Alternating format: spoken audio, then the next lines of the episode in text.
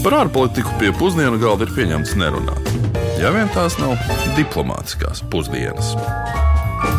Esiet sveicināti otrdienas vidus diplomātiskajās pusdienās. Uz tām jūs aicinu es, Uģis Lībijams, kopā ar dr. Kārlu Bukovsu no Latvijas ārpolitikas institūta. Un pie šī pusdienu galda mēs parasti ceļojam uz dažādām pasaules valstīm, apskatām to politisko, sociālo, ekonomisko dzīvi un pilnīgi nopietni un arī nedaudz ar smaidu.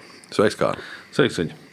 Nu, Tostarp pēc mūsu klausītāju vēlmēm, šodien mūsu ceļi jau atkal vedīs uh, uz Centrālā Aziju, nu, konkrēti uz Turkmenistānu. Valsts, kur daži analītiķi ir saukuši pat par briesmīgāko valstu uz zemeslodes, un citi par tikpat briesmīgu kā Ziemeļkoreja. Jā, visai tāds uh, skarbs mūsu šīs dienas uh, raidījuma sākums, uh, lai arī nu, Turkmenistānas medijos tev nu, noteikti tiks stāstīts par gandrīz vai paradīzes zemes virsū ar saules valdnieku priekšgalā, mm. bet nu, patiesībā jau taisnība tev ir. Nu, autoritārs režīms ir gana skarbs un arī pietiekami skarbs par šo valsti būtu arī jārunā. Nē, es absolūti piekrītu, jo nu, var jau izklaidēties un smieties par šī režīma un tā abu divu līderu dīvainībām, bijušā un esošā. Nu, kas arī ļoti tiek, bieži tiek darīts.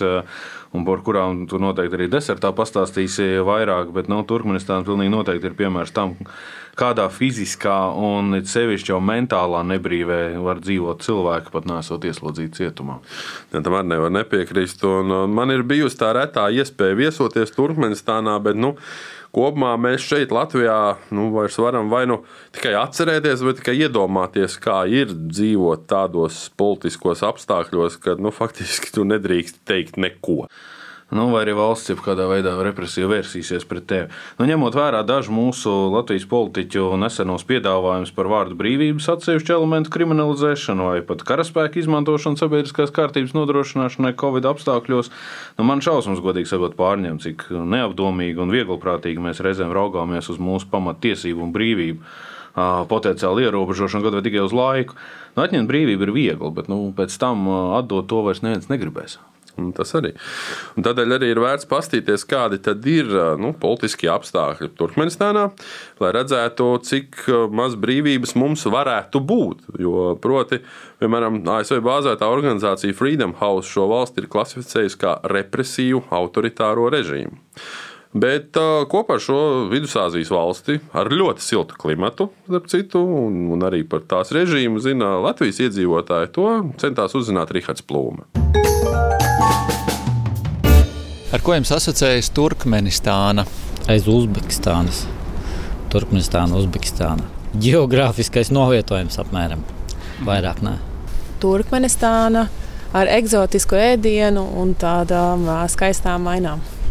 Tuvajiem austrumiem ar varbūt kaut kādiem šeihiem un uh, nabadzīgie cilvēki dzīvo lielā nabadzībā, bet bagātie ir ļoti bagāti. Nafta. Ne ar demokrātiju, visnotaļ ar tādu diezgan uh, stingru diktatūras režīmu. Tā kā ar to, bet galvenais, ka silti. Degvielu, naftu, varbūt naudu. Turkmenistāna ar saviem 5,5 miljoniem iedzīvotāju ir viena no etniski un reliģiski viendabīgākajām valstīm pasaulē, jo 85% no valsts iedzīvotājiem ir turkmeņi un arī 90% ir musulmaņi. Pārējie gan tiek nu, diezgan brutāli diskriminēti un ierobežoti. Precīzi. Ja daži piemēri, par kuriem var atrast informāciju, piemēram, tas, ka ir aizliegts mācīt bolohu etniskās minoritātes tradīcijas un valodu. Uzbeku etniskās minoritātes valodu arī aizliedz valsts skolās. Universitātēm savulaik, starp citu, valdība ir ieteikusi nepieņemt studentus, kuriem no turkmeņu uzvārdi, sevišķi tie esot etniskie krievi. Tur citu vēl šogad septembrī tika slēgts pēdējās klases, kurās mācījās krievu valodā. Un, lai tas nebūtu paradoxāli, bet nu, mēs parasti esam pieraduši Latvijā, ka tiklīdz kaut kas tāds, jebkāda ierobežojuma attiecībā uz krievu valodu vai krievu kultūru tiek ieviesti vai samazinājumi, tad uzreiz Krievijas federācija reaģē. Nu, šeit atkal, šajā Turkmenistānas gadījumā, Krievijas federācija atklāti pret to neiebilda, izņemot to, ka Krievijas vēstniecība Turkmenistānā tikai pauda nožēlu Nu, un, principā, faktiski atbalstīja Turkmenistānas valdības pozīciju. Interesanti gan, ka Turkmenistānas konstitūcija pati garantē reliģijas brīvību. Bet, nu, kā mēs varam noprast, tad tāpat kā lielākā daļa citu cilvēktiesību valstī, viņi, protams, acīm redzot, netiek ievēroti. Vispār arī precīzi cipari par Turkmenistānas iedzīvotāju skaitu arī nav mm, zināmi, jo pat valdības iekšējos dažādos aprēķinos ir minēts, ka līdz pat diviem miljoniem cilvēku varētu būt emigrējuši no valsts proti tas ir nu, pēdējo desmit gadu laikā, un īpaši tas ir uz Turciju. Un tas ir pie situācijas, kad nomināli Turkmenistāna skaitās viena no bagātākajām centrālā Azijas valstīm, IKP uz vienu iedzīvotāju ir ap 15,000 eiro pēc pirktspējas paritātes, un salīdzinājumā Latvijā ir 23, 24. Nemaz tā starpība nav tik liela, un, bet cik vienlīdzīgi, vai precīzāk sakot, nevienlīdzīgi tā nauda tiek sabiedrībā sadalīta, nu, arī tas nav uzticams zināms. Sevišķi ņemot vērā to, ka arī nu, bieži vien notiek īpašuma patvaļīga atņemšana iedzīvotājiem, un tas nemaz nav tas retākais gadījums. Nu jā, nu, valsts faktiski turās uz naftu un gāzi. Galvenais atbalsta punkts ir naftas un dabasgāzes ieguve, jo Turkmenistānā ir pasaulē sestās lielākās dabasgāzes rezerves. Gāzi lielākoties režīms eksportē uz Ķīnu un pavisam nedaudz arī uz Krieviju, bet uh, ekonomiskā atkarība no Ķīnas ir acīm redzot ļoti izteikta, jo gandrīz 85% no visa Turkmenistānas eksporta iet uz Ķīnu un aptuveni 5% uz Turciju. Uh, starp citu, vēl kas ir interesanti, ka Ķīnas daļa Turkmenistānas importā ir tikai nepilni 10%, kas to padara par ceturto lielāko importu partneri jau aiz Turcijas aiz Alžīrijas un pat arī aiz Vācijas. Un Krievijas vieta ir klātesoša, bet arī labu labu gabalu aiz Ķīnas. Nu, jāatcerās gan, ka Turkmenistāna pamatā atrodas Karakuma tuksnesī ar dažām oāzēm. Lauksaimniecībā kokvilnas ražošana, kviešu audzēšana veido aptuveni 8% no valsts saimniecības, IKP. Un vienlaicīgi šajā sektorā nodarbināti ir gan arī puse no valsts darbspējīgiem iedzīvotājiem. Bet salīdzinājumā naftas un gāzes eksports ir jau 25% no valsts IKP. Lauksaimniecības sektoram esot arī raksturīgs tas, ka reizi gadā apmēram valdība vēl arī gan studentus, gan ierēģņus arī aizdzenot lauksaimniecības darbos piespiedu variantā ar zemu vai pat nekādu apmaksu par šo. Bet ne pirmais, ne otrais modernās Turkmenistānas prezidents nav spējuši izdarīt pietiekami, lai apkarotu korupciju, privatizētu valsts uzņēmumus, attīstītu ekonomiku ārpus enerģētikas sektorā vai uzlabotu uzņēmējdarbības vidi kopumā. Nu, tādēļ arī valsts atkarība no pasaules energoresursu cenām tieši ietekmē arī viņas atkarību un režīmu stabilitāti. Jā, un viens no piemēriem, kad viss iet tik gludi, ir tāds, ka 2018. Um, gadā tika pieņemts lēmums, ka bezmaksas ūdens, gāzi un elektrība valstī iedzīvotājiem vairs netiks nodrošināta.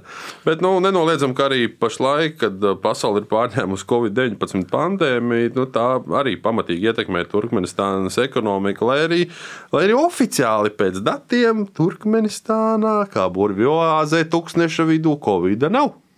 Tā liecina no oficiālajiem mēdījiem. Bet nu, pēdējā laikā gan arī prezidents uh, Gurbanguli Berdi Mohamedovs tomēr atzīstot, ka vīrus vispār ir un ka pastiprināt iedzīvotājiem tomēr būtu jāpievērš uzmanība personiskajai higiēnai, jāmazgā rokas un tam līdzīgi. Nu jā, nu realitātē, protams, Turkmenistāna nav nekāds Covid-19 izņēmuma oāze, un vienkārši elementāri Turkmenistāna nespēja tikt galā ne ar pašu Covid-19 pandēmiju, ne arī tās izraisītajām ekonomiskajām sakām. Nu, par spīti tam visam režīms joprojām pieturas pie drakoniskiem un cilvēku cieņu aizskarošiem ierobežojumiem. Viens no tiem piemēriem, protams, būtu arī tas, ka operas un cirka izrādes ir aizliegtas valstī tikai tāpēc, ka viņas neatbilstot turkmeņu nacionālajām tradīcijām, nevis tāpēc, ka nedrīkst apmeklēt, jo Covid apstākļos tas var būt arī lipīgi un bīstami. Bet politiski par vienu no Turkmenistānas tradīcijām varētu saukt arī viņu pašu pasludināto neutralitāti. Un par šīs uz papīra neitrālās Turkmenistānas šā brīža ar naftu un gāzi saistītiem ārpolitiskiem izaicinājumiem ekspertu viedokli vaicājām arī arī doktoram Adilbekam Jermekbājevam no Alfa Rābija Kazahstānas Nacionālās Universitātes. говорят про безопасность Туркменистана, в основном это тесно связано с энергетической э, безопасностью. Kad mēs runājam par Turkmenistānas drošību, tad pirmkārt mums ir jādomā par tās enerģētisko drošību. Kā savulaik teica Nelēķis, Turkmenbašī neutralitāte ir domāta tam, lai novērstu Turkmenistānas kļūšanu par iespējamo maiņas monētu vai bandinieku globālo lielvaru spēlēs. Ir pagājuši 25 gadi kopš neatkarības atgūšanas, un kas no šīs neutralitātes ir palicis, globalizācija un energoresursu tirgu nostiprināšanās ir piespiedusi Turkmenistānu nedaudz atkāpties no sākotnēji deklarētās neutralitātes versijas. 90. gadu turkmēņu līderi šo neutralitāti galvenokārt redzēja kā attālināšanos no Krievijas. Proti, jo tālāk no Krievijas, jo labāk būs pašai Turkmenistānai. Tas ir novedis pie tā, ka Turkmenistāna pašlaik, īpaši naftas un gāzes sfērā, ir gandrīz pilnībā atkarīga no Ķīnas kompānijām. Valsts ir nonākusi tādā kā parādu cilpā. Cita veida draudu Turkmenistānai faktiski nav, bet tas, ka valsts var kļūt par pilnīgu parādnieku, gan ir apdraudējums. Lai izkļūtu no šīs parādu bedres un diversificētu savu energoresursu piegādes, Turkmenistāna būs spiesta iesaistīties tādos procesos kā, piemēram, reintegrācija ar Krieviju vai kompānijas Gazprom atgriešanās. Tāpat ir gaidāms Turkmenistānas mēģinājums caur Afganistānu iziet uz Dienvidāzijas tirgu. Tieši šis reģions tiek minēts kā prioritārs. Prioritātiem ir ukazot Južlāziju. Bet kāds ir šis turkmeņu režīms? Nu, politiskie mītiņi un uzstāšanās ir nelegāls un sodāms, nu, ja vien tās nav atbalstījusi valdība. Politiskās partijas deputāti parlamentā viss rīkojas pēc valsts vadītāja diktāta un pilda tikai lēmumu apstiprināšanas funkciju. Nu, ja jūs paskatīsieties kādus video, tad redzēsiet šo organizēto aplaudēšanas, kājās celšanos un tādu diezgan izteikto visu vadoņa teiktā pierakstīšanu blociņos vai pat tādās lielās, lielās kladēs. Valstī mediju brīvība faktiski nav. Valsts tiek pat ierindot starp trim medijiem visnedraudzīgākajām valstīm pasaulē, līdzās jau iepriekš minētajai Ziemeļkorejai un Eritrejai. Visas masu mēdīs Turkmenistānā kontrolē valdību, un arī 2010. gada centienos atļaut nu, daudz maz neatkarīgas mēdīs bija skaidri norādījumi, ka jāziņo tikai par veiksmes stāstiem uzņēmējdarbībā.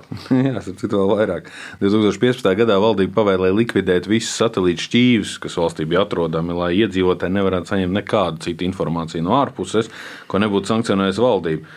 Un, protams, arī internets ir spēcīgi cenzēts un lielākoties nepieejams.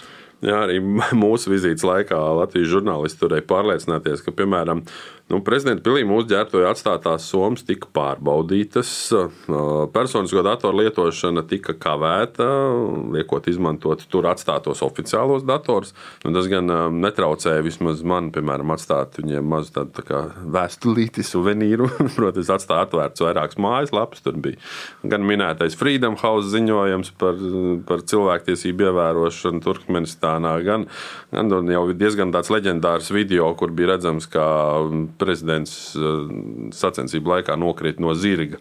Nu, tur bija arī vesels stāsts ap šo, bet uh, mums bija vēl dažādi incidenti. Piemēram, mēs bijām vizītē Turkmenistānā, sieva viņa mēģināja sazvanīt.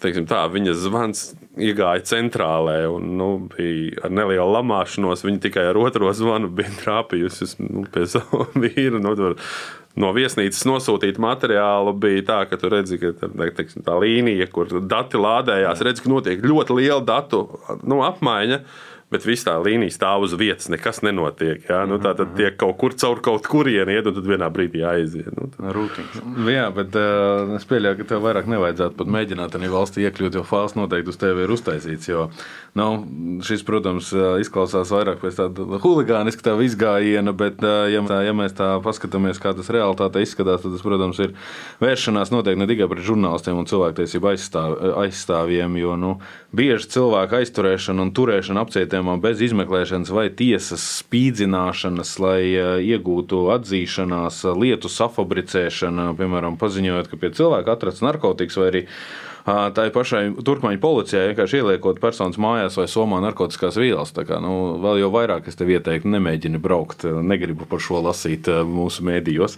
Paradoxāli, bet Turkmenistāns iepriekšējā prezidente Saparmūra Ataņa Jāzova, jeb Turkmenbašī laikā valstī oficiāli tika atcelts nāvisots.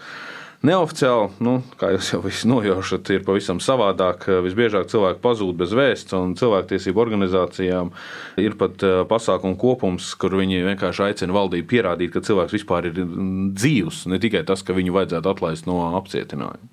Jā, bet jūs jau noteikti zināt, ka Turkmenistānas galvaspilsētas Aškabats nosaukums tulkojumā no persiešu valodas nozīmē mīlestības pilsēta, un arī aptuveni pusi valsts iedzīvotāji dzīvo tieši pašā galvaspilsētā vai tai blakus. Nu jā, šis, manuprāt, absolūti ir kārtējs absurdums, jo, piemēram, par kādām vispār godīgām vēlēšanu tiesībām mēs varam runāt, ja valsts un tās valdība neuzskata par pienākumu pat ievērot cilvēku pamatiesības uz dzīvību un brīvību.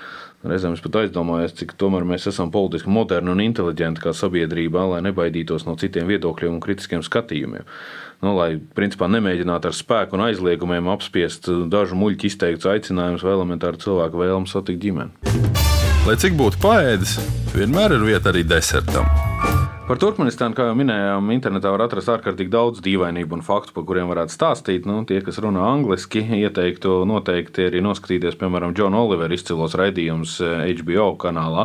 Tostarp arī par eh, Gurbanu Guliju Berdi Muhamedovu vai arī eh, YouTube atrodamos ceļotāju stāstus un video. Bet jāatcerās, ka nu, visas šīs režīma dīvainības ir balstītas absolūtā diktatora varā, kas tiek ieviesta ar nežēlīgu represiju palīdzību pašiem pret saviem iedzīvotājiem. Nu, un šajā noskaņā Uģi pastāst lūdzu par mūsu kārtējo skābo desertu. Lai arī skābuma piegājuši tam visam tomēr būs, mans brauciens uz Turkmenistānu bija ar daudziem arī visai tādiem amizantiem un smieklīgiem notikumiem pilns, bet nu, tam noteikti nepietiktu laika pat vēl vienās 15 minūtēs. Un, Ja neskaitā Gurbānu Liberti Muhamedovu dažādos odiozos video, kuros viņš, nu, piemēram, tur driftē tā dēvēto LS vārtu krāteru dūmā, vai kā Rembo šaudās ar automātiem, met No nažus. velosipēda. Nu, jā.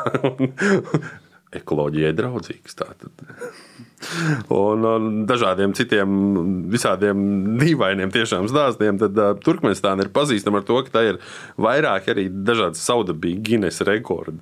Nu šeit gan jāpiebilst, atkal jau atcaucoties uz uh, to pašu Džona Olivera raidījumu, ka Guinness rekords grāmata arī tiek apsūdzēta par to, ka tā ļoti mēģina izpatikt diktatoram. Jo, starp citu, par Elas vārtiem runājot, tas ir 60 metru plats un 30 metru dziļš gāzes krāteris, kurā ir gan gāzes, gan naftas atradnes. Nu, tas interesantais ir tas, ka viņš nav dabiski veidojies, bet viņš ir netīšām mākslīgi radīts. Jo, lai atbrīvotos no liekās gāzes, padomju inženieri to aizdedzināja 1971. gadā, cerot, ka tas turpinās degt pāris nedēļas. Nu, radīja mūžīgu uguni. Iespaidīgi mūžīgu uguni. Viens no visbiežāk pieminētajiem faktiem ir tas, ka galvaspilsēta Ašhabad ir pilsēta ar lielāko baltā marmora ēku īpatsvaru pasaulē. Un jāsaka, tiešām gar ielu malām redzēsim galvenokārt tikai baltu marmoru un jaunceltnes, kas domāts jau ģimenēm. Un šeit gan atkal ir jāpiemina tas mazais skābumiņš. Minimāla alga Turkmenistānā ir aptuveni 300 eiro. Vidējā ap 1200 eiro. Un nevis tomēr šos dzīvokļus var atļauties. Kaut gan valdība saka, ka jā, mēs dodam tur izcilus kredītus jaunajām, īpaši jaunajām ģimenēm. Nu, man gan izskatījās, tās ēkas daudz stāv tiešām vēl tukšas. Un vēl kāds novērojums, jā, ka šīs marmora fasādes faktiski ir vērstas tikai uz ielas pusi. No nu, 1,230 m tālāk, tur teiksim, nākošais kvartāls aiz lielajām ielām ir, nu, tur ir pavisam cita aina. Un, toties tajā Baltijā pilsētā ar baltajām mašīnām, kuras, starp citu, ir pieskaņotas un nedrīkst būt vecākas par 2000. gadu, mm. ir arī pasaulē lielākais iekštelpu panorāmas rats. Tas ir nieka 47,5 metrus augsts. Un tad vēl Ašabadā ir pasaulē lielākie ārā baseini, daudz pieminekļu zirgiem. Jo prezidents ir žokejs profesionāls arī un pats arī sarakstījis vairākas grāmatas par zirgiem. Un man liekas, ka tur bija tas stāsts, ka tieši netālu no mūsu viesnīcas bija zirgu lietu ministrija arī ir tāda īpaša. Bet kopumā jau jāsaka, jā, ka nu, pilsēta ir diezgan skaista. Sakopta varbūt tieši tāpēc, ka mēs bijām tur ar prezidentu. Nav daudz cilvēku ielās. Jā. Un tad rēķinieties, ka nekādas dižās tur naktas dzīves izbaudīšanas vai kaut kādas citas izklaides tur nesanāks, jo vakarā pusē pilsētas vienkārši tiek atslēgta elektrība. Un, mm. nu, ah, un jā, nu vēl es aizmirsu saistību ar Latviju. Arī mēs varam teikt, ka tāda diezgan prezidentāla saistība. Turkmenistānā ir noteikti vismaz divi koki, kurus ir iestādījuši divi Latvijas prezidenti, mm -hmm. Valdis Zetlers un Andris Bērziņš. Un arī pēdējā adus vieta Turkmenistānā ir vienam no, nu, laikam, skaļākajiem un pretrunīgākajiem Latvijas līderiem, Kārlim Ulmanim, kurš ā, tur mira izsūtījumā. Mm. Nu, līdz ar to arī izskan mūsu šīs nedēļas diplomātiskās pusdienas. Nākamnedēļ jau dosimies uz, uz Madagaskaru. Vēl tikai atgādināšu, ka mūsu raidījumu var klausīties gan Latvijas Rādio 1 arhīvā, gan arī savos iecienītajos Spotify, Google, Apple podkastos. Uz sadzirdēšanos jau pēc nedēļas. Lai izdodas! Diplomātiskās pusdienas katru otrdienu pusdienos Latvijas Rādio 1.